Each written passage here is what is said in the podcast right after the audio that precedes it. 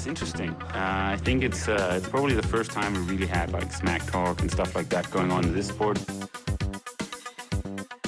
He's definitely been more successful here I mean, in, in Hawaii. But I've beaten him up many times, and he knows that when all the people aren't around him patting him on the back and he looks at himself in the mirror at night when there's no one else, he knows I'm the real deal. Some people talk and they never won Ironman in Hawaii, so I could talk. I won twice. Så har vi en øh, gammel kending tilbage i Trioraklets sofa. Det er ingen ringer end, jeg havde lyst til at sige Dr. Phil, Dr. Chen. Du er, du er tilbage, ekspert i performance nutrition. Du er også øh, udvikler og stifter af det meget kendte produkt Neutron, som, øh, hvor altså, jeg ved, der er flere øh, topatleter, maratonløbere og også Aarhus 900 øh, har også et samarbejde med jer. Velkommen til, Chen. Jo, tak. Og siden sidst, jeg tror, er det halvandet, to år Ja, siden? cirka. Cirka halvanden år siden. Der, der, der var du inde forbi før, og siden da, der er du, øh, udover og at, at brandet Newton selvfølgelig er vokset en lille smule, så er du også blevet færdig med din afhandling, som øh, handler om ketoner og hvordan det virker med hjertet primært. Kan det passe? Ja, altså så, så til, til daglig, så har jeg jo min gang på, på Skyby sygehus som Ja. ja. læge og, og og skal faktisk forsvare her om, om to uger. Ja, spændende. Øhm, og øh, ja, PhD'en omhandler sådan set, hvordan en, en ketogen diæt Ja. påvirker kroppen, primært hjertet, men også resten af kroppens Ja. organer osv.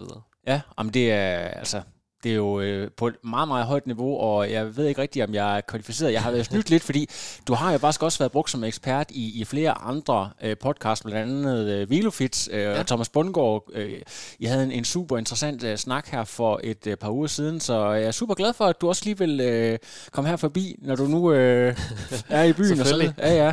Jamen, det er fremragende, men ved du hvad, vi, vi, det her med ketoner og så videre, det er ikke sådan helt det, det skal handle om i dag. Vi kommer lidt ind på det til sidst, fordi jeg synes øh, alligevel, at der er noget der, som jeg forestiller mig også kan blive relevant i, i triathlon-verdenen på et eller andet tidspunkt.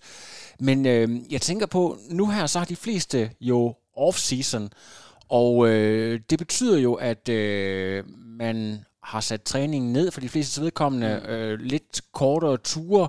Så hvis vi begynder at se på den fueling, man typisk vil bruge på det tidspunkt, kan du så ikke prøve at forklare noget om, hvor vi står i 2023 øh, i forhold til, hvad man ved nu om, hvad den korrekte fueling er til en lidt mindre træning, og så, så måske sådan gradvist, øh, du ved, i, når vi bevæger os hen mod lidt mere intensiv træning på den anden side af jul og så videre. Ja. Hvad, hvad, hvad siger forskningen egentlig?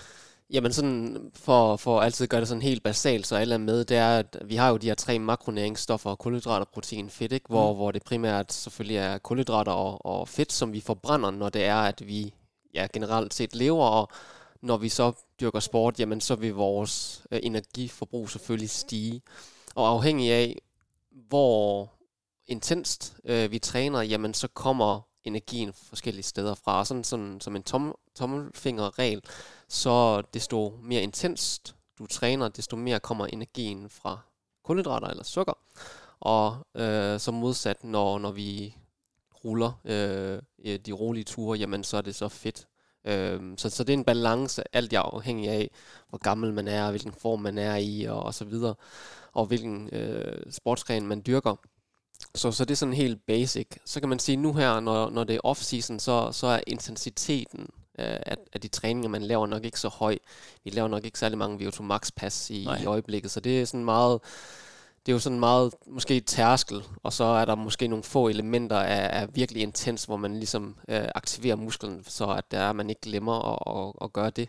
Så, så lige nu så er der er behovet for kulhydrater ikke lige så stort. Det tror jeg, de fleste ligesom kan genkende til, det er, at man, man indtager ikke så meget, i hvert fald sportsernæring på nuværende tidspunkt.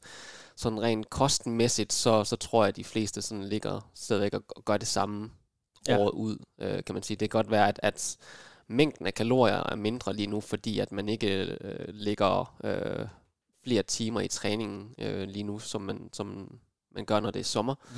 Men ellers så, øh, så handler det jo sådan set om at være tilstrækkelig, hvad skal man sige, øh, fuelet til Ja. sine træninger. Men, men øh, der er ikke noget specifikt i forhold til, at man behøver at, at, at indtage rigtig meget med mindre, at man træner rigtig hårdt mod Ja. en, en Ironman lige nu, kan man Ja, sige. præcis. Jeg har faktisk lige en indskudt sætning. Øh, Jeg kommer til at tænke på, øh, du ved, når man kommer fra at være super fedt i en sæson, og så lige pludselig kigger sig selv i spejlet, og så ser at man er, er, vejer 5 kilo mere. Yes. Altså, øhm, den her med at kunne sige til sig selv, ved du hvad, det er faktisk helt okay, at øh, jeg ikke er super skinny hele året rundt, fordi kroppen har rent, rent faktisk brug for, Ja. at der er lidt mere... Kan du ikke lige prøve at fortælle lidt om det? Ja. Altså det der med at, at, at kunne overbevise sig selv om, at det faktisk er helt fint. Yes. Det er, jo, det er jo sådan lidt en anden snak omkring performance, ikke? Når, når, når det er, at man står på startstregen, så skal man Ja. ja. være i sin kampvægt. Og så er der modsat, når man så er i offseason, så, så er det okay at, Ja, ja, ja. ja. at slappe lidt mere af, og ikke være så mega fokuseret på sin vægt, blandt andet fordi det kan føre til nogle mentale problemer. Ja. Ikke? Øhm, og, og, og det er også fint, altså, eller det er gunstigt for kroppen at have nogle perioder i året, hvor man ikke presser den maksimalt. Ja. Du kan ikke du kan ikke yde 100% set over en lang periode hele tiden. Nej. Fordi så vil du gå ned på et eller andet tidspunkt. Ja. Om det så er med fysisk stress eller mental stress, det er sådan lidt forskelligt, hvad, hvad folk øh, bukker under øh, med. Men, men sørg nu for at, at give kroppen lov til at have den her cyklus, hvor man sådan i perioder måske slapper lidt mere af, Ja. øh, så man er klar til, når det virkelig gælder. Hvad vil du egentlig sige er, er det ideale i forhold til, hvis du siger, øh, den, den bedst mulige kampvægt, øh, hvor meget må man afvise sådan i procenter i forhold til, for at øh, du skal ikke kæmpe for hårdt, altså det nytter heller ikke noget at tage 20 kilo på, kan man Nej, sige. nej, det er rigtigt. Så, så, hvad, så hvad, hvad vil ideelt være, hvis, hvis du sådan kigger udefra? Uha, jeg, jeg bruger jo altid min, min gode ven Omar Hassan Ja, ja, præcis, som, ja. øh, som eksempel. Han, øh, jeg tror, han tager måske mellem 10, måske endda 15 procent på. Nå, okay, ja. Øh, lige nu så træner han jo skarpt op til Valencia Marathon det for det? at kvalificere til OL, ikke? Men, men ellers så, så, øh, så spiser vi noget mere kage sammen Ja. på det her tidspunkt af Ja. året normalt. Så, så, og, og det, det vil man jo tabe, især hvis man dyrker rigtig meget sport, især i triathlon. Fordi det er jo ikke, jeg vil sige, det er jo ikke et, problem for dem, der træner, lad os sige, 15 plus timer om ugen og gå ned i vægt. Det, det mere, handler sådan måske mere om, at man skal spise nok for ja. at kunne bibeholde energi Ja, øh, ikke? Så, så man behøver ikke at være så stringent omkring ens vægt, og, og det er jo også en udvikling, kan man sige. Nu spurgte du til det fra starten af, at, at udviklingen er, at, at man godt ved, at, at man har brug for de her pauser. Øh, Ja. vi, har, vi har det jo som mennesker, at vi bare skal gøre alt, hvad vi kan hele tiden for at være Ja. klar. Men den forståelse er bare, at hvis du skal gøre alt for at være klar, jamen så skal du også give kroppen øh, perioder om året, hvor du ikke er så hård ved den. Ja, lige præcis. Øhm, og når vi så på et eller andet tidspunkt begynder at skrue lidt op, det er jo tit, at øh, det er i juni, juli måned, at ja, måske endda august, at de store Ironman-konkurrencer ja. Øh, ligger. Så begynder man at, at skulle ud på nogle af de lange ture. Det er sådan nogle 3-4 timers ture osv. Hvordan, øh, altså, hvilke hensyn skal man så tage til i forhold til, til sin, øh, sin fueling? Øh, og så kan du måske også begynde, når du forklarer det, hvordan det så afviger fra, hvad man tidligere har, Ja. har forestillet sig, der skulle, der skulle øh, til for at, at, at gøre det mest optimale. Altså der, er- der er klart, eller der begynder i hvert fald at ske et, et, et hvad skal man sige, et, øh, en ændring i kulturen i forhold til fueling. Ja. Øhm, og det er også forskelligt fra sportsgren til sportsgren. Jeg vil sige, løber generelt er, er noget bagud i forhold til både cykling og triathlon. Mm. Men, men, men det er jo sådan, at man tidligere har tænkt, desto mere jeg presser kroppen, og desto dybere jeg går, og sådan virkelig æder sig selv, sådan Brian Holm, det der med, at sulten er, er din ven, ikke? Ja, ja, ja. Øhm, det, det gælder ikke længere. Nej. Lad os bare sige det sådan. Videnskaben dikterer klart, hvis du skal have en, en stabil performance, eller være så klar som muligt over en længere periode til selve start, øh, starten af, et, af en konkurrence, så skal du sørge for at fuele konstant. Og det vil sige, at, at du mere eller mindre skal sørge for at vedligeholde din glykogendepoter, ja. altså dine sukkerdepoter i dine muskler og din lever, så høje som muligt hele tiden så er der noget med fedt selvfølgelig, men fedt sådan rent kvantitativt i vores krop er jo øh, altså i stand til at holde os i live i Mm. rigtig mange øh, uger. Så, så, så der er man ikke så bekymret, men det er mere den der sukker øh, ja. depoter, som man skal sørge for at holde oppe hele tiden, fordi det tager, lad os nu sige, du, du cykler en tur på 3-4 timer, så tager det i hvert fald et halvt til et helt døgn, inden at det ligesom er bygget op igen, Mm. og man kan si- sige, for dem, der så træner to gange om dagen, eller tre gange om dagen, så er det bare så vigtigt at fuel, så snart du kommer hjem. Ja. Og der, hvor, hvor, hvor skiftet ligesom er kommet, det er, at folk faktisk fokuserer på at fuele undervejs Ja. også. Så, så selv på de rolige lange ture, jamen så, så spiser og drikker øh, i hvert fald de bedste ja. atleter i dag hele tiden. Øhm, Det, ja. det, det, nu ikke for, at jeg sådan skal, skal stjæle pointerne fra, fra den her berømte anden podcast, men, men du nævner noget med, at altså selvfølgelig er udstyr og æveforståelse osv. en ting, men det her med, at man har forstået, hvor meget man egentlig skal spise, det er den helt store faktor. Yes. Altså, hva- kan du sige noget sådan lidt mere om det, er det i forhold til øh, nogle konkrete studier, eller, eller man kan jo bare tænde for sit fjernsyn og se Mads Pedersen og så videre. Han ligner jo heller ikke en, der ligger lige frem på sultegrænsen. Altså. Nej, nej. øhm, ja, altså, det handler sådan set mest om, faktisk om restitution, kan man sige. Fordi Ja. man, man ved jo, alle kan træne hårdt, men ja. det er ikke alle, der kan blive ved med at træne hårdt. Ah. Og så, så det der med, at ja, du kan godt du kan godt kværne din krop i en uges tid, hvor du ikke spiser nok og sådan noget, mm. men, men ugen efter, så er du bare færdig. Ja. Så snart dine glykogendepoter er tømt, øh, ja. jamen så vil du også føle dig mere træt. Ja. Øh, og det her eksempel bruger jeg oftest det der med at prøve at køre en tur på tre timer, uden at spise noget undervejs, og så Mm. måske heller ikke spise noget lige når du kommer hjem, og så se hvordan du har det de næste par dage. Og så gør det den samme tur ugen efter, hvor du fueler undervejs, og så ja. snart du kommer hjem, så, så sørger du for at få noget med sukker ind. Mm. Der vil være en enorm forskel. Så, så videnskaben dikterer bare, at hvis du skal kunne over en længere periode være klar og ramme hver eneste pas, så skal du være ret opmærksom på, at kroppen skal have nok energi, og i de fleste, eller for næsten alle tilfælde, medmindre man kører et eller andet ikke, race across America, Ja. så vil det dreje sig om, om kulhydrater. Okay, det er også noget, der skifter nogle gange, det der med, at så det, øh, folk sværger til, at det kun er fedt. Øh, nogle sværger til, vi skal bare øh, køre vandture, og så, yes. Du ved, så, så kommer kulhydrater ind igen. Så er det nyeste skud på stammen, som du selv siger her, at, at det, altså det handler simpelthen om at få kulhydrater ind, sådan at man er nærmest, du ved, øh, depoten er fyldt morgen, middag og aften, øh, hvilket også betyder, at jamen, sørg nu for hele tiden at have noget i lommerne og, og dunken og så videre. Er, er det korrekt forstået? Ja, det er det, og, og det, det er faktisk en, en god pointe, fordi det jo, tidligere har det jo været det der med, at hvis man sparer på ens sukkerdepoter, Ja. så, så skubber man ligesom til grænsen for, hvornår man rammer muren, Mhm. mm-hmm. so to speak, ikke? Øh, så, så på den måde, så har man tænkt, jamen så skal jeg køre rigtig mange vandture, eller mm. køre på, på tom mave, fordi så øger man ens evne til at forbrænde fedt. Ja. Øhm, men en ting er, hvordan du træner i forhold til din evne til at forbrænde sukker og fedt. Den anden ting, det er, hvordan du fueler. Og de to ting ja. er forskellige, selvom de selvfølgelig hænger sammen. Så, så bare fordi, at du fueler med sukker, betyder det ikke, at din evne til at forbrænde fedt, den falder. Okay. Evnen til at forbrænde fedt handler også rigtig meget omkring, hvordan du lægger dine intensiteter af din Ja. træning. Og sådan generelt set, så stiger øh, alle, der arbejder med test, øh, laktattester osv., mm. kan jo godt se, at ens, at, at folks evne til at forbrænde fedt jo generelt bare bliver bedre, desto bedre form man kommer i. Ja. Så det er ikke øh, fordi, at du totalt nedsætter den evne til at forbrænde fedt, bare fordi du spiser en, en, øh, en bar eller drikker noget sukker Ja. undervejs på din cykeltur. Så, så, så det er to ting, man skal adskille på den måde.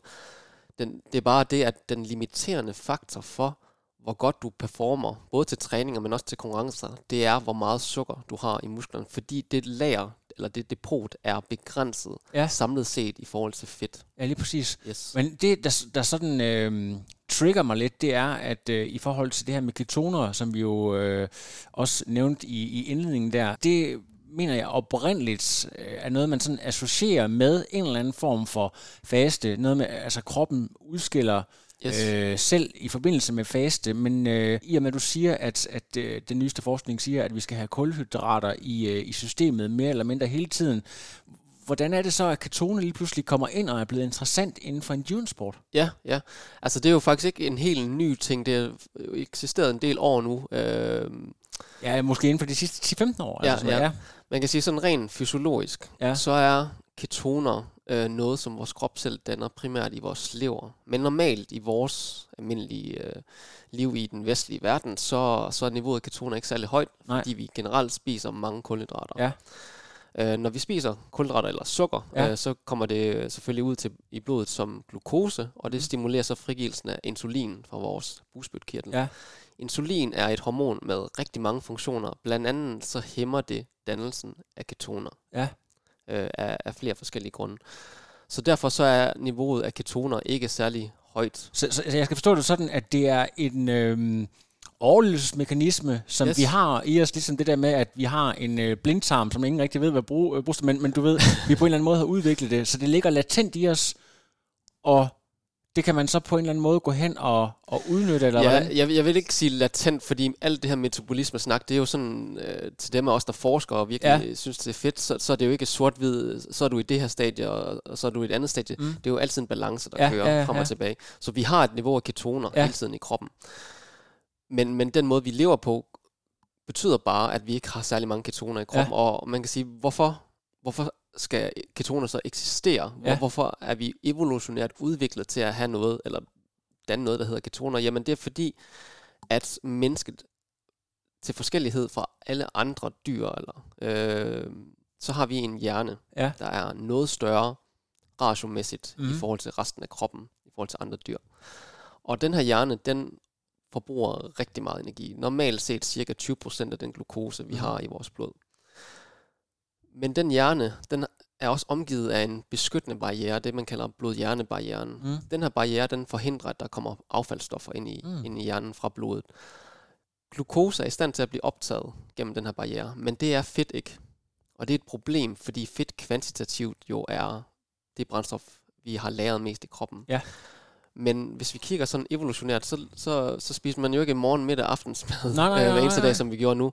Bare gå, lad os sige, 50.000 år tilbage, så, Ja. ja. så var øh, agrikulturen ikke udviklet i mange steder i verden.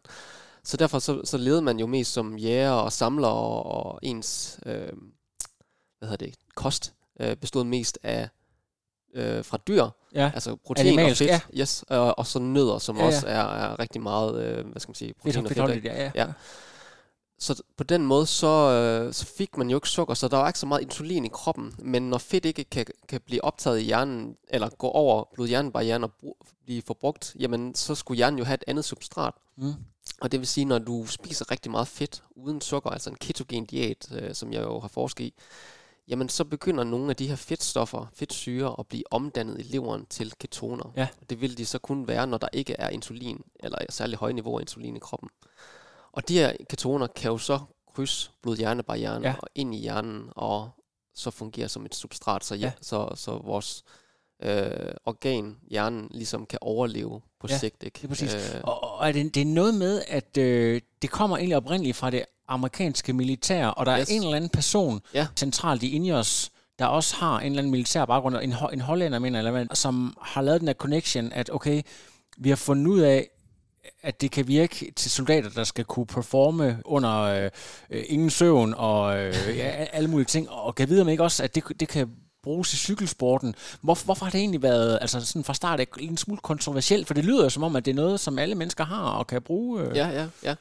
Altså, og det er rigtigt nok, at, at ketoner i sig selv, jeg tror det var i, i 80'erne måske, at, at det startede med, at, at det amerikanske militær havde fundet ud af, at der var de her ketoner jo, som på en eller anden måde bliver set som et survival substrate, hvis man kan sige Ja, ja, det sådan, ja. at det, det er kun til stede, når du virkelig er presset. Ja. Øhm, at man, man tænkte, at det måske imiterede nogle af de tilstande, man var i, når man var presset. Så du Det ved, sådan, sådan fight and flight og Ja, klar. ja, ja, for, fordi at, at, ikke fordi jeg sådan skal afbryde din uh, flotte tale, men fordi at det er jo ikke nogen hemmelighed, at du ved, i Vietnam og 2. verdenskrig og så videre, øh, så var det jo amfetamin jo. Ja. Så, altså, så, fik, så fik, det fik soldaterne jo yes. Udleveret for, så det er jo måske, du siger, hvad er, øh, hvis vi ikke skal, skal sådan bonge folk op på øh, to- totalt fabrikeret, så, så har vi måske et naturligt stof, der kan lidt af det samme. Ja. Altså, Det, det var i hvert fald tanken med Ja. det, ikke? At, at, at det kunne i hvert fald også fuele hjernen, ja, ja. og, og det kan det også godt. Så, så der var det sådan øh, startet der, og så, og så langsomt så begyndte det at bevæge sig hen mod, jamen så på performance-relateret, og, og kunne så bruges til i hvert fald de sport, hvor det er meget endurance, og det var så Mm. der, det så kom ind i, i cykelsporten, primært som en start, tror jeg, øh, inde i os, og vi har jo set Julian eller Philippe stå ja. ja. Og, og virkelig lovprise det her, de her ketoner, ikke? Ja. Så, så ketoner, i hvert fald indtil nu, har været set som et produkt, man bruger som fueling. Ja. Og ideen med det er lidt det samme som ideen med, at man ligesom lærer at forbrænde fedt. Det er, at hvis du indtager ketoner, som bliver optaget via andre transportører i tarmen, mm. jamen så kan du køre på det her substrat, og på den måde spare på dine Mm. mm. glykogendepoter, så det er, at du ligesom rammer muren på et senere tidspunkt. Ja. Øhm, og, og sådan klassisk, hvordan man undersøger det, jamen det, det er jo hvor man tager nogle, oftest nogle cykelruter, fordi det kan man virkelig kontrollere ind, og så skal de møde ind to dage, hvor de så den ene dag skal tage noget sukker, øh, eller den anden dag, så tager de ketoner, og så ser man så på deres performance efterfølgende, noget i den ja. stil. Øhm, og sådan generelt set, øh, ikke for at øh, slukke folks håb, så ser det ud til, eller det er relativt klart, at ketoner fungerer ikke som et øh, øget performance substrat, når vi siger sådan rent øh, vatmæssigt, hvor meget kan du træde efter mellem 3 til 6 timer, mm. efter du har indtaget det, relativt set til sukker.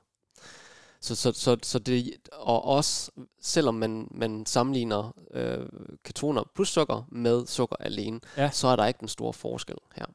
Så, så, så, så det der med, at, at folk de indtager det før, øh, gør ikke, at de kan performe bedre i sidste ende. Og, men det skal så også lige siges, at mange af de her studier, det er jo det, man kalder kontrollerede setups det er jo ikke sådan, det ser ud i virkeligheden, når, når man står på startstregen. For det kan godt være, at man har underfuelet med sukker eller andre ting, øh, og man så får et andet substrat, man, som, som kroppen, øh, primært musklerne i det her tilfælde, så kan bruge som et brændstof, og på den måde påvirker øh, ens performance bedre. Ja. Men sådan rent, hvis man stiller det op og har kontrolleret de andre faktorer, jamen så fungerer det ikke at indtage ketoner oven i sukker. Der er det sukker, der er bestemmende for performance. I og med, at, at man jo stadigvæk øh, så sent som øh, ja, i, i den her sæson har set folk øh, stå og køre det ind, så har det jo stadigvæk en eller anden effekt. Så det må være altså recovery, eller hvad grunden til, at folk stadigvæk sværger ja, til det? Ja, øh, man, kan, man kan sige, at ketoner fungerer jo stadigvæk som et substrat. Ja. Øhm, og, og dem, der sådan virkelig forstår metabolisme, det er, at de her forskellige substrater, de påvirker hinanden. Mm. Så, så den måde, som ketoner øh, er udviklet på sådan rent evolutionært, så er det jo et, et brændstof, som kroppen måske har en præference for. Ja. Det er sådan noget, jeg forsker i. Fordi at ketoner, eller ketose kun er kommet, når man har været i en nøds situation, kan ja. man sige, hvis du øh, har sultet for eksempel, ikke har spist i lang tid, jamen så er vores krop bare indstillet evolutionært til at foretrække det her brændstof ja. over for andre. Og sådan, så, så ren recovery, som du rigtig siger, jamen så giver det mening, fordi at når du så kommer hjem fra en hård træning, øh, og skal selvfølgelig fuele med sukker, så, så giver det faktisk, i hvert fald det, det de nye teorier, at man så fueler med ketoner ved siden af. Ja. Fordi når du så indtager ketoner, så hæmmer du, hvad skal man sige, nedbrydningen af sukker. Ja.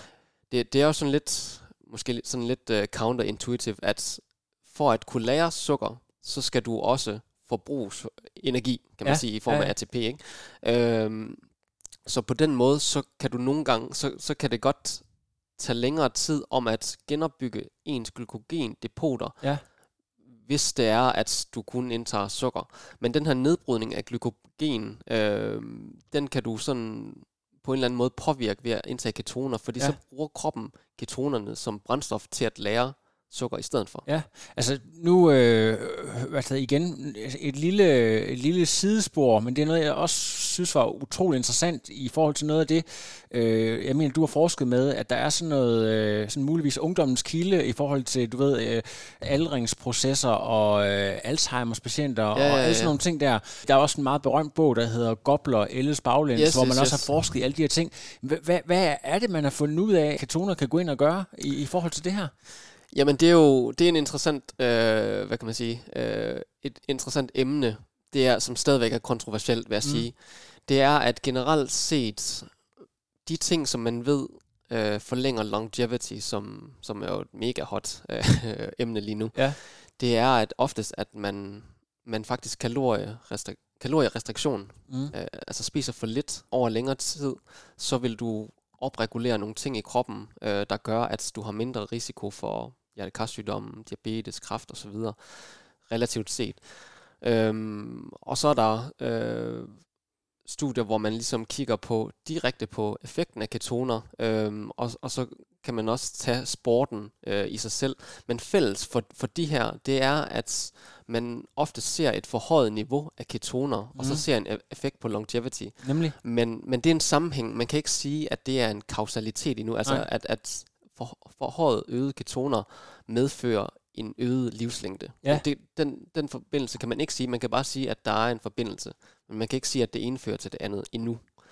Øhm, så, så, så det, er stor, det er en stor forskel. Men, øh, men det er jo lidt interessant, fordi at det der med, at alle mellemledere lige pludselig, du ved, øh, der springer alle sammen morgenmaden over, fordi at det der med faste og ketoner yes, og yes, alle de her yes. ting, og longevity, jeg tror det er nogle af, hvad det, han hedder, ham øh, Kasper Christensen, lookaliken, øh, Emil Thorup, der er ja. en af dem, der, der, du ved, der har slået en, øh, en slag for det, der har gjort, at, at sådan øh, lidt mere mainstream, at folk kender til det her, men, men vi er vel enige om, øh, ud fra alle de ting, du har sagt tidligere, at det er, me- ja, selvom at det sådan skal foregive at være sund livsstil videre, i forhold til ren atletview, er det ikke det optimale at gøre. Altså, fordi, fordi der skal du jo ikke netop springe morgenmaden over og så videre. Der handler det jo bare om, du ved, at, at du øh, hele tiden er fuelet til det næste pas.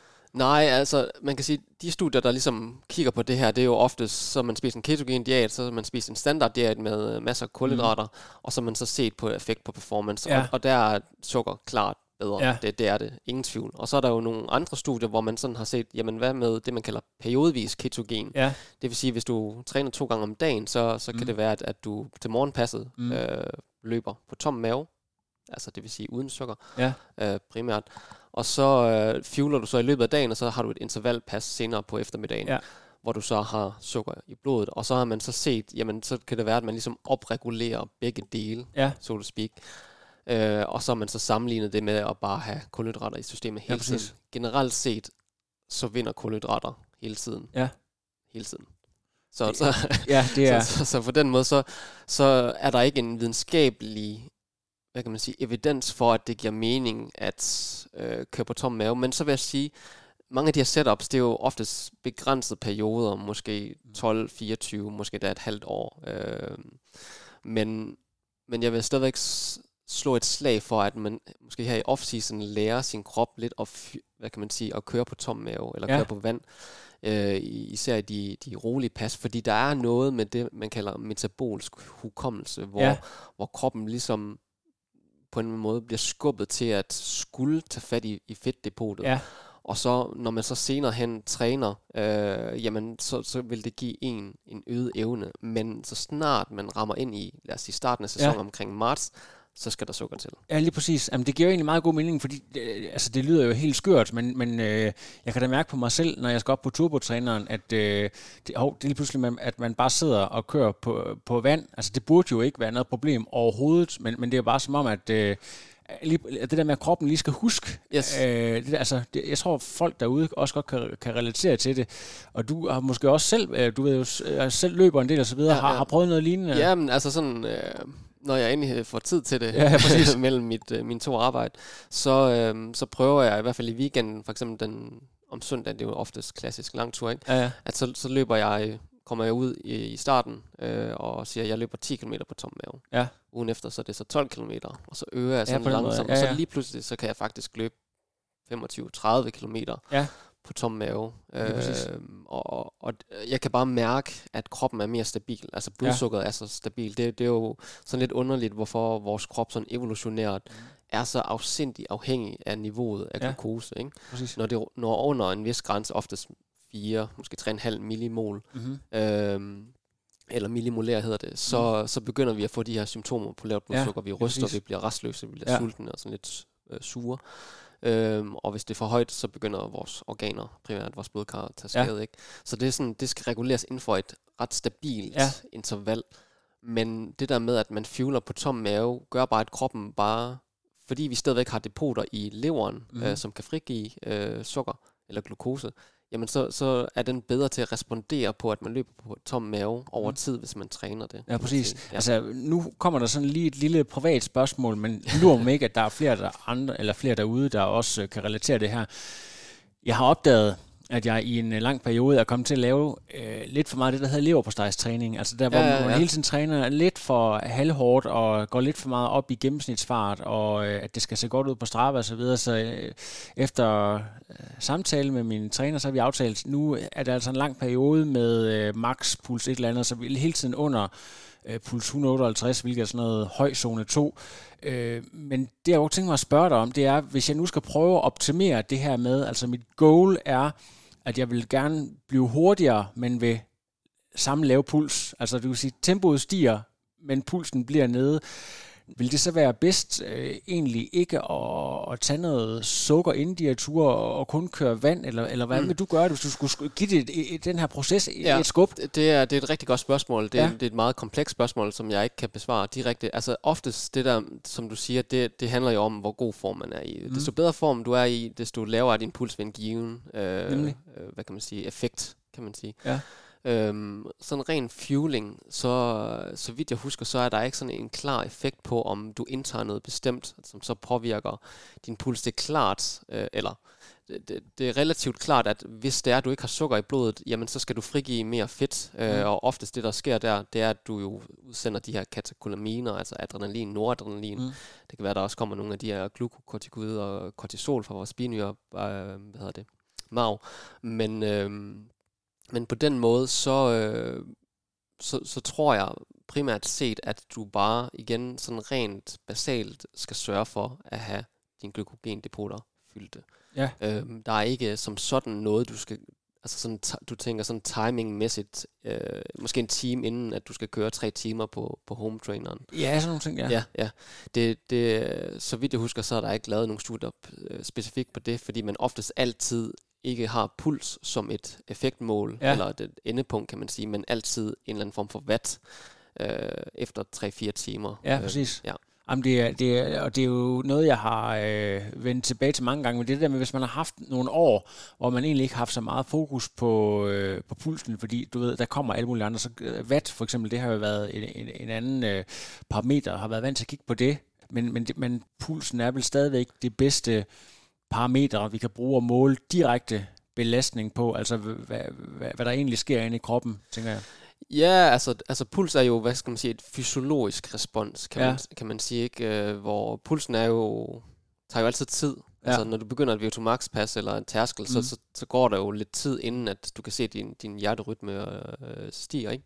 Mm. Øh, så, så det har jo brugt i mange år. Og den, hvis man bare kan tage højde for den lag og få inddelt øh, ens øh, niveau i forskellige zoner, som du ja. har nævnt, så kan man jo træne efter det. Ja, lige præcis. Og så kan man sige, at den anden ting, det er jo eller det er jo ikke nyt længere, men det er at tage de her laktatmålinger, ja, ja. Jo, som, som er mere en biokemisk øh, markør for, mm øh, hvor intens man træner, altså ofte den her grænse mellem aerob og anaerob, ja. øh, hvor man ligesom balancerer på den her knife's edge, kan man sige. Ja, lige præcis. Og lad det diktere, hvor hårdt man skal træne. Ja. ja. I forhold til den forskning, du har lavet, og det du har kigget på, altså videnscentre, vil jeg sige, hvor, hvor kommer altså viden fra? Er det stadigvæk USA, der, der er meget viden, der kommer fra? Eller øh, Tænker du i forhold til ketoner? Eller ja, lige præcis. Altså i forhold, i forhold til øh, ketoner, men også i forhold til... Øh, performance og fueling, altså simpelthen?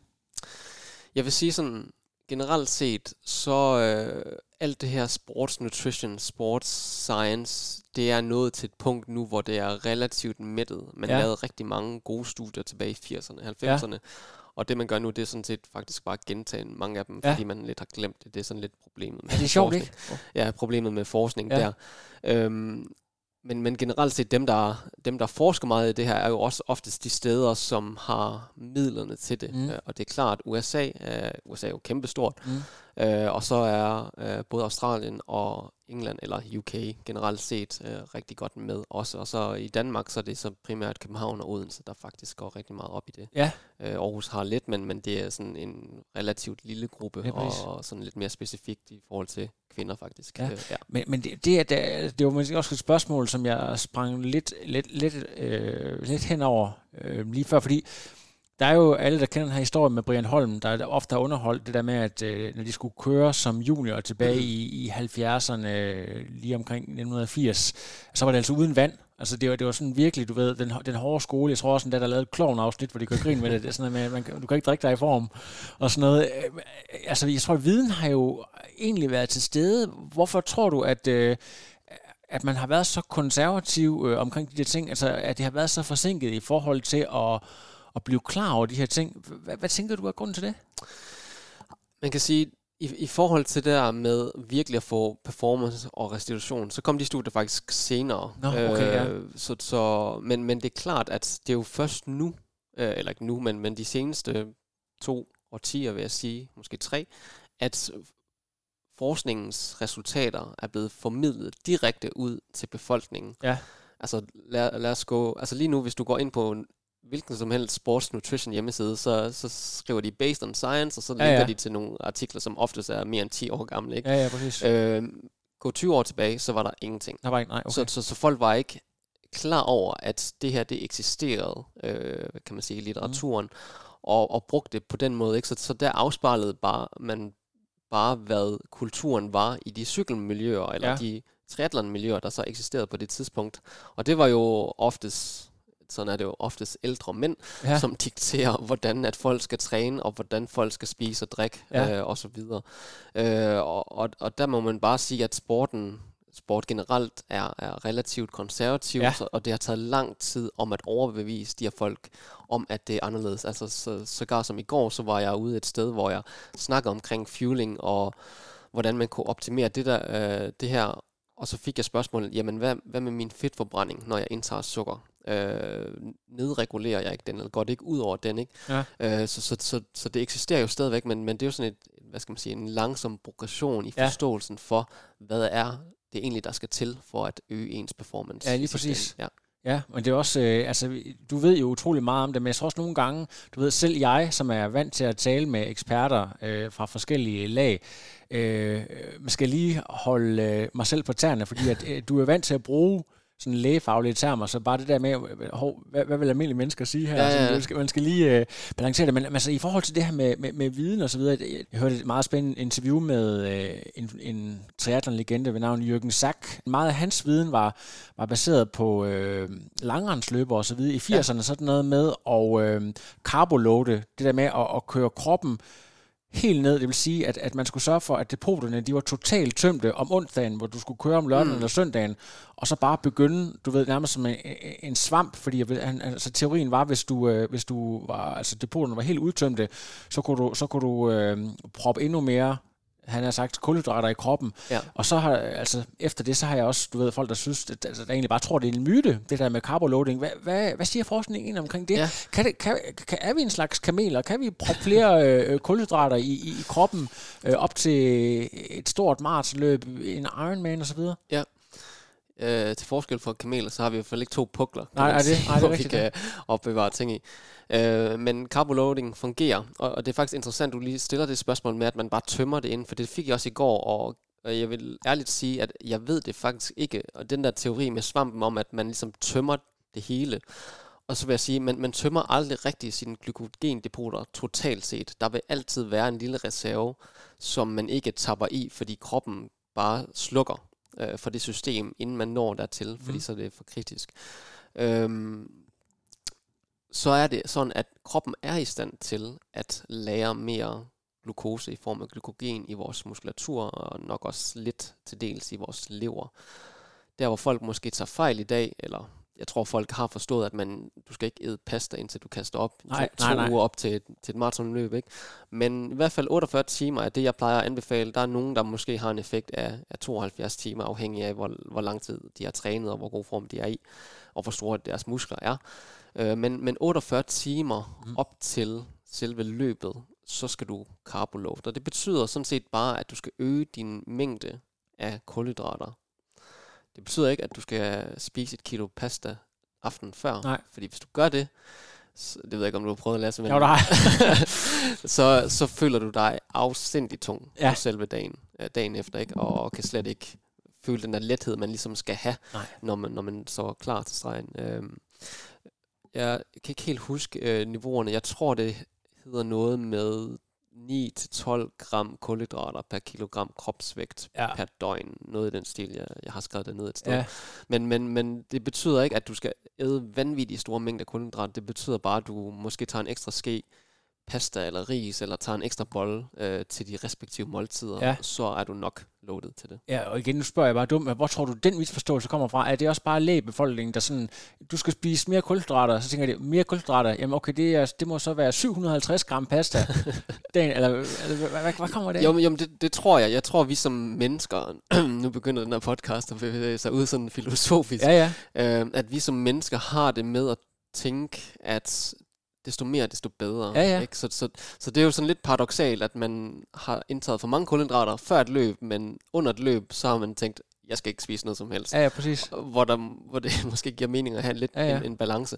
Men det er klart, at hvis du hører nogen af de, af de store atleter sige, du skal sørge for at spise nok Ja. pasta eller kulhydrater inden et løb, uden sådan rigtig at forklare, hvor meget, hvornår, hvordan, øhm, jamen så tænker du bare, desto mere, desto bedre. Ja. Og så er en uge jo bedre end tre dage, ikke? Altså, så, så kan der komme mere ind. Ja. Men der er også grænser for, hvor meget du kan lære. Så sådan generelt set, ja, to til tre døgn inden. Øhm, og, og det er, man kan sige, det er jo manglende viden, der har været. Mm.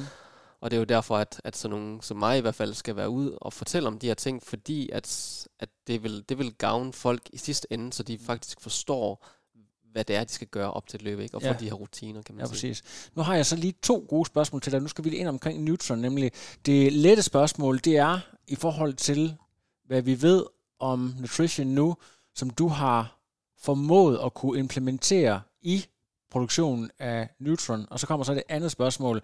Hvad er det værste, som når du skal ud og fortælle folk øh, i forhold til, til ting, de skal gøre, for eksempel det der med at tage vandture, og du rent faktisk lever af at, at sælge øh, sukker. Jamen generelt set, så vil jeg sige, at min øh, samvittighed er ret god, Ja, når jeg ja. er ude og fortælle.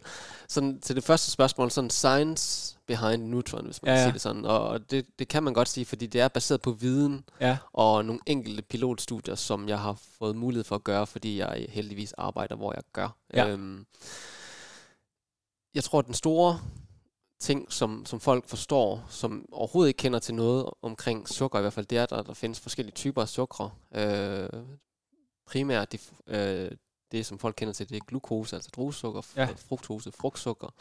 Og at der er nogle enkelte studier, faktisk lavet af nogle af dem, jeg samarbejder med i dag, Ja. øh, hvor man har kigget på optaget af de her forskellige typer af sukker. Så hvis du kender de to typer øh, sukker, og hvilke forhold de skal være i for at blive optaget, jamen så kan du netto set få mere sukker ind i blodet, Ja. altså fra tarmen og ind i blodet. Og det gør to ting. Et, at du får mere brændstof ind i blodet. To, at sukkeret ikke hænger i din tarm, så du får ondt i maven. Ja. Det er det vil sige, det er den absolut største fordel ved, ved, ved det produkt, som jeg har udviklet, og også den respons, jeg får tilbage. Ja. Det er, at folk kan gå højere op i koncentration, Ja. uden at få ondt i maven. Ja. Og så kan man sige, okay, så flytter vi sukkeret fra, blod, øh, fra tarmen og ind i blodet. Betyder det så også, at der kommer mere ind i musklerne, som så bliver forbrændt eller oxideret, kan man sige. Det gør det. Så hvis du forbinder glukose og fruktose, så ryger der mere ind i blodet, men der ryger også mere ind i musklerne Ja. og bliver forbrændt. Så netto set, så fueler du mere. Og det vil alt andet lige, især til, til dem af jer, der dyrker langdistance, triathlon, Ironman osv., det vil give jer en kæmpe fordel Ja. til sidste ende. Øh, og så kan man sige, den, den sidste ting, som, som er interessant ved, ved, ved det, jeg har udviklet, det er, at jeg har inkorporeret den her slow carb. Slow carb er sådan lidt kontroversielt i, i sports nutrition, øh, fordi at mange folk øh, argumenterer for, at det er ikke nødvendigt, øh, fordi at du, hvis du bare fueler konstant, jamen så holder du dig stabilt, øh, men det er meget individuelt. Hvis du tager et, et, et, et tværsnit af en stor ko- kohorte af mange folk, Ja, ja, ja. så, så er det meget individuelt, hvor, hvordan de sådan reguleres. Og, og, og det, som mange folk siger, det er, at jamen, øh, insulin påvirker dit niveau af blodsukker, men insulinresponset hæmmer du, når du har de her katekolaminer, altså adrenalin og sådan noget i kroppen. Det er rigtigt, men på et eller andet tidspunkt, så har du også tømt dine depoter så meget, at du øh, er afhængig af det, du indtager. Og så vil det også påvirke dit blodsukker, og i hvert fald også, hvor meget du kan få ind i musklerne. Så, så på den måde, så er det her tredje, specielle tredje sukker, isomaltolose, med til ligesom at have en langsom frigivelse og en mere en stabil blodsukkerprofil. Og så er det noget, som måske er sådan lidt svært at forstå, det er, at hvis du spiser en slow carb, i hvert fald isomaltolose, i forhold til glukose, mm. så kører du faktisk mere på fedtforbrænding ved en given øh, intensitet i forhold til glukose, Ja. hvis det giver mening. Så, Jamen, du, så du, indtager et, du indtager bare to forskellige typer sukker, men Ja. du forbrænder faktisk mere fedt i det, under det ene øh, sukker Ja. i det andet, hvis det giver mening. Så ja. på den måde så er de her slow carbs også med til faktisk at øh, spare på din øh, sukkerforbrænding, kan Ja. man sige, så, så du kan holde i længere tid. Og det er Ja. også det, som folk ligesom vender tilbage til mig til, når de forklarer Ja, lige præcis. deres... Øh, Og så havde jeg jo faktisk et ekstra spørgsmål. Nu, nu skulle du jo lige svare på, øh, på, på det første, øh, Ja. så, du, så det ikke øh, falder oven i hinanden.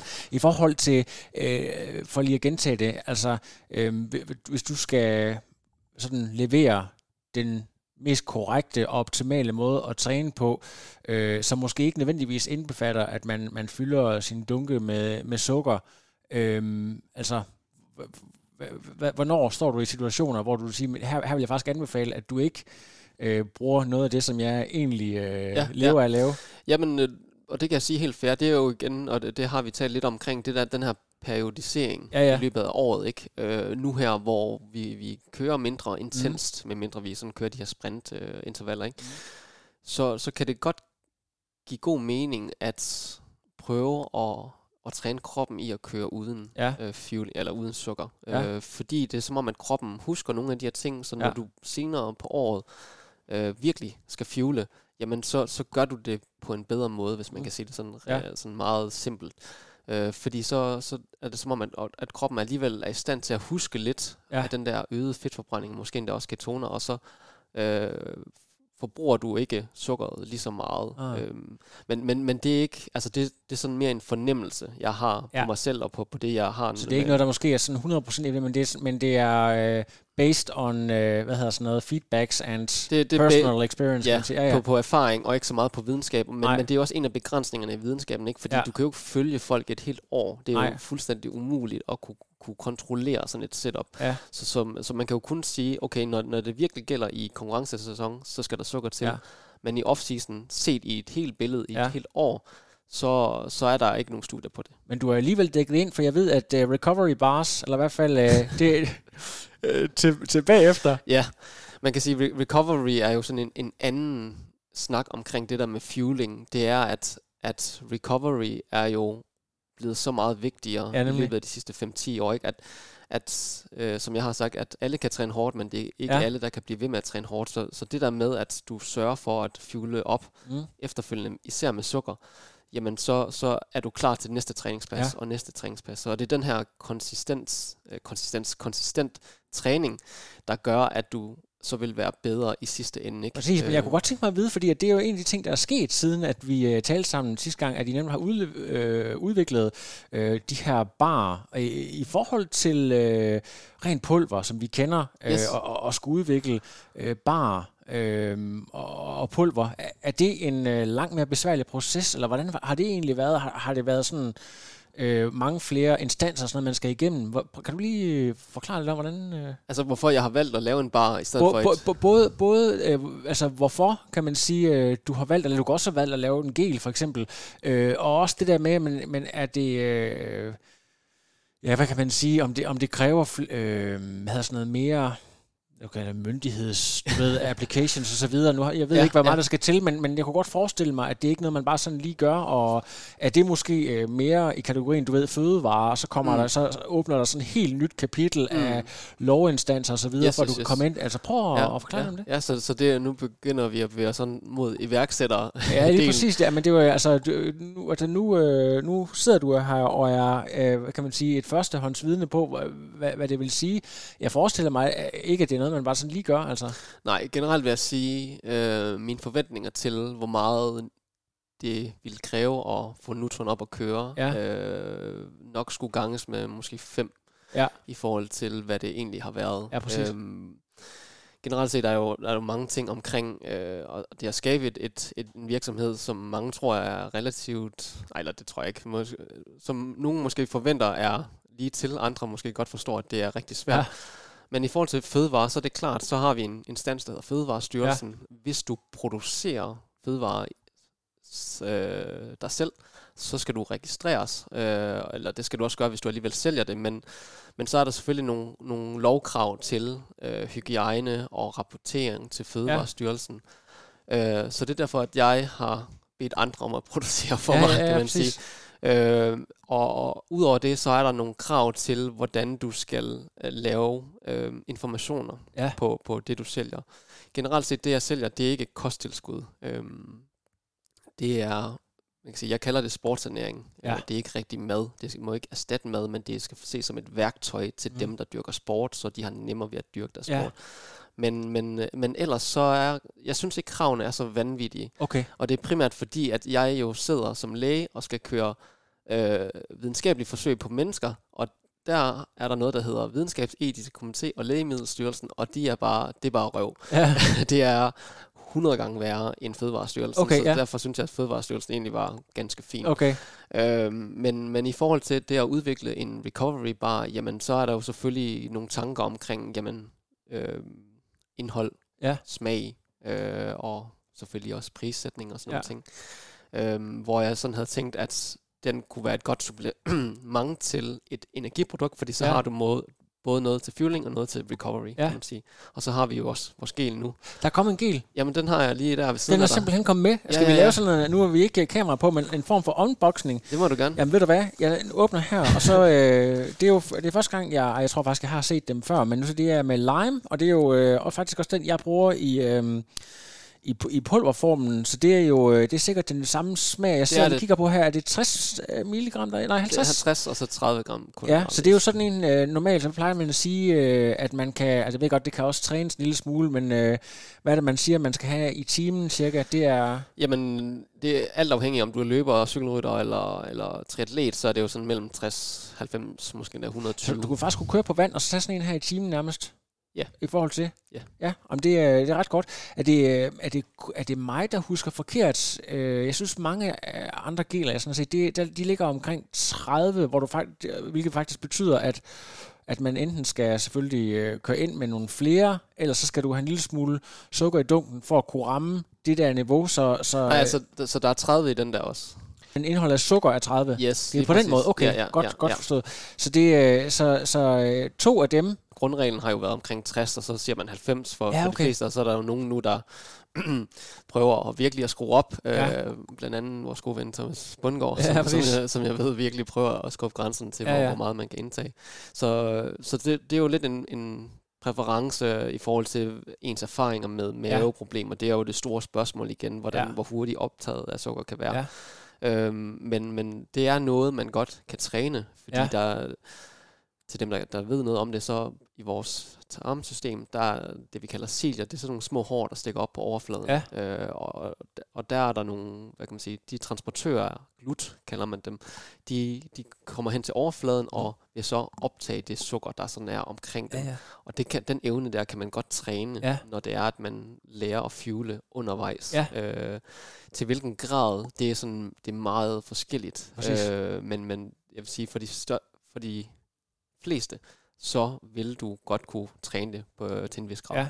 Så man kan sige, at øh, Neutron brander sig lidt med at være skånsom over for maven, og det er jo øh, også altså virkelig, øh, hvad kan man sige, et stort issues for rigtig mange, så det kan jeg sådan set godt forstå, men der er jo også mange, der sværger til øh, øh, koffein. Yes. Altså du giver, giver et, øh, et godt skud, og du ved, det der med at mixe koffein og noget, der er nænsomt for maven, Yes, yes, yes, yes. Øh, dine overvejelser omkring hele det der? Koffein øh, er, er primært et problem med Fødevarestyrelsen, Ja. fordi koffein bliver set som et... Øh, jeg kan ikke helt huske, hvad, om, om det er kosttilskud eller hvad det er.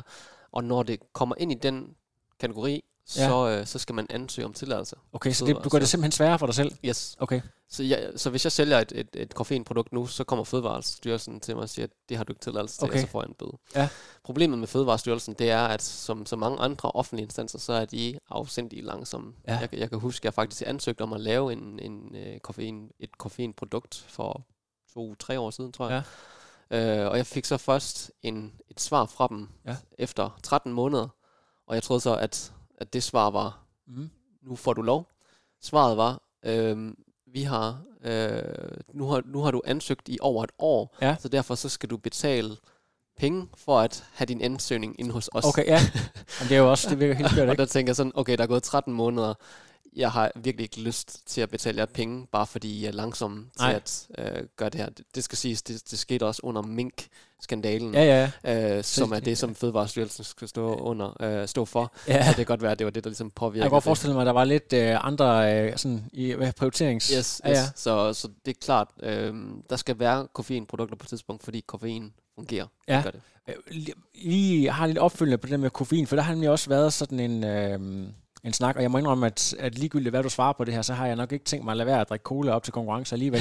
Men der er mange, der snakker om det her med at, at simpelthen skære ned på koffein, sådan at de på race day får det der spark bagi. Altså, er der noget om det, eller er det mest en, øh, hvad kan man sige, en, en, en mental ting? Ja, altså, hvad ja. siger videnskaben?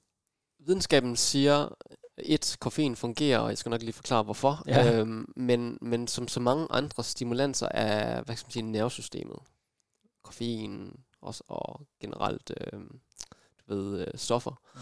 smertestillende, så er der en udvikling af det, vi kalder tolerance. Ja. Så det vil sige, at på et eller andet tidspunkt, så mærker kroppen, okay, der bliver ved med at, de her hvad skal man sige, substrater eller liganter bliver ved med at binde sig til nogle receptorer, øh, og så kommer der et respons, men det er ikke gunstigt, så derfor så begynder vi at nedregulere nogle af de processer, der mm. reagerer mm. på for eksempel koffein. Det kan ja. være mindre receptorer, øh, det kan være mindre stærk respons af receptorerne.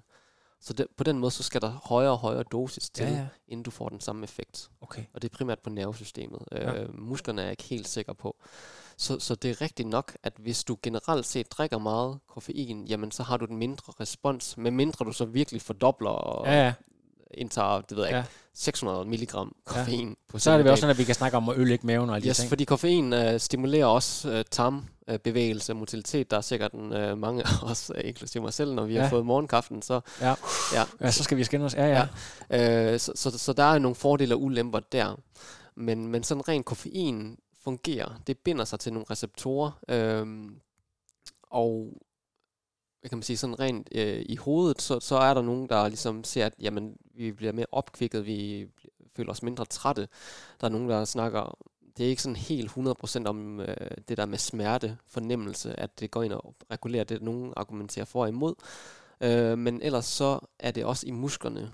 Koffein er med til, at øh, ind, inde i alle vores muskelceller, der har vi nogle lager af calcium øh, frigivelsen af calcium bliver øget, når du når en vis grænse af koffein, og det er for de fleste, øh, jeg kan ikke, det, det er sådan noget med øh, x antal gram per kilogram kropsvægt, lad os sige 200 milligram, så bliver den her frigivelse af calcium større, og calcium er ligesom med til at, hvis man kender muskelfysiologi, ligesom med til at øge vores muskelkontraktionskraft. Ja.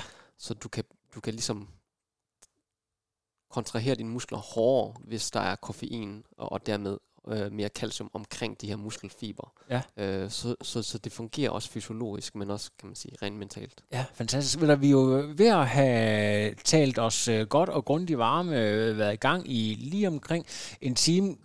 Her til allersidst, du øh, er jo i det her felt, skal snart, som sagt, øh, forsvare en PhD. Jeg ved ikke, om, om, om der skal være noget postdoc, eller om du også skal måske have skrevet professorat eller så videre. øh, inden for hele human ernæring, performance osv. Hvad, hvad tænker du? Hvad bliver det næste? Hvad, er, er der sådan et eller andet, ja, der spørger ja. i uh, The Horizon? Jamen, ja, du, du stiller rigtig mange gode spørgsmål, ja. altså. øh, man kan sige, øh, lige nu har det jo, altså, jeg, jeg tror, de fleste er med på kulhydrat og proteinfedt. Øh, og så har der været ketoner i lang tid. Øh, det nye, det bliver laktat.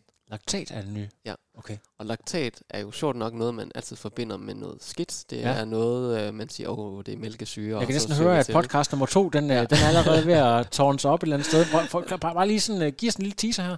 Jamen, laktat er, forståelsen for laktat, det er, at laktat, det er, det er sgu også et substrat, som ja. kan forbrændes det skal lidt ses som en eller anden form for transportmekanisme af sukker, fordi øh, dem, der ligesom forstår så sukkerforbrænding, øh, hvis det går anaerob, så, så går det via glykolyse og så ind i laktat, og så ja. kan laktat gå ud af musklerne ja. og det ene sted, og så blive optaget andre steder, i andre muskler for eksempel. Så på den måde, så, øh, så laktat er som sådan ikke noget skidt, det er bare i, i mange forståelse, det er en konsekvens af, at du kører anaerob forbrænding. Ja. Men laktat i sig selv er et substrat, som dine muskler, som de fleste organer i din krop faktisk kan forbrænde som energi. Øh, så, så, og det er også, igen i snakken med ketoner, det, det skal måske lidt ses som sådan en eller anden for nødsubstrat. Ikke? Ja. Det, det er noget, du kun har, når du virkelig er presset. Ja, præcis. Så på den måde er teorien måske til fremtiden, at, eller også lige nu, at, at det er mere gunstigt at køre på laktat. Så jeg kan kun afslører, at øh, til den store, øh, det hedder American Diabetes Association i år, som er en af måske det største metabolisme-konference i verden, så var der nogen, der ligesom øh, havde fundet ud af, at øh, vi faktisk forbruger laktat meget mere, end vi tror, ja. og at fremtiden så vil betyde, at man faktisk skal indtage laktat. Okay. For. Det vil så... Altså det vil sige, at, at det vi prøver på at, at komme af med, det er faktisk det, vi skal Yes. indtage i stedet for. Yes, og det- øh, undskyld, og det, det fucker jo sådan lidt med, øh, med de der laktatmålinger, som Ja, ja, vi så bruger nu, ikke? Men, men jeg er ret sikker på, at i fremtiden, så vil der tilsvarende, ligesom ketondrikke, så vil der også komme laktatdrikke. Det er ret Ej, det er ret vildt. Det er vildt.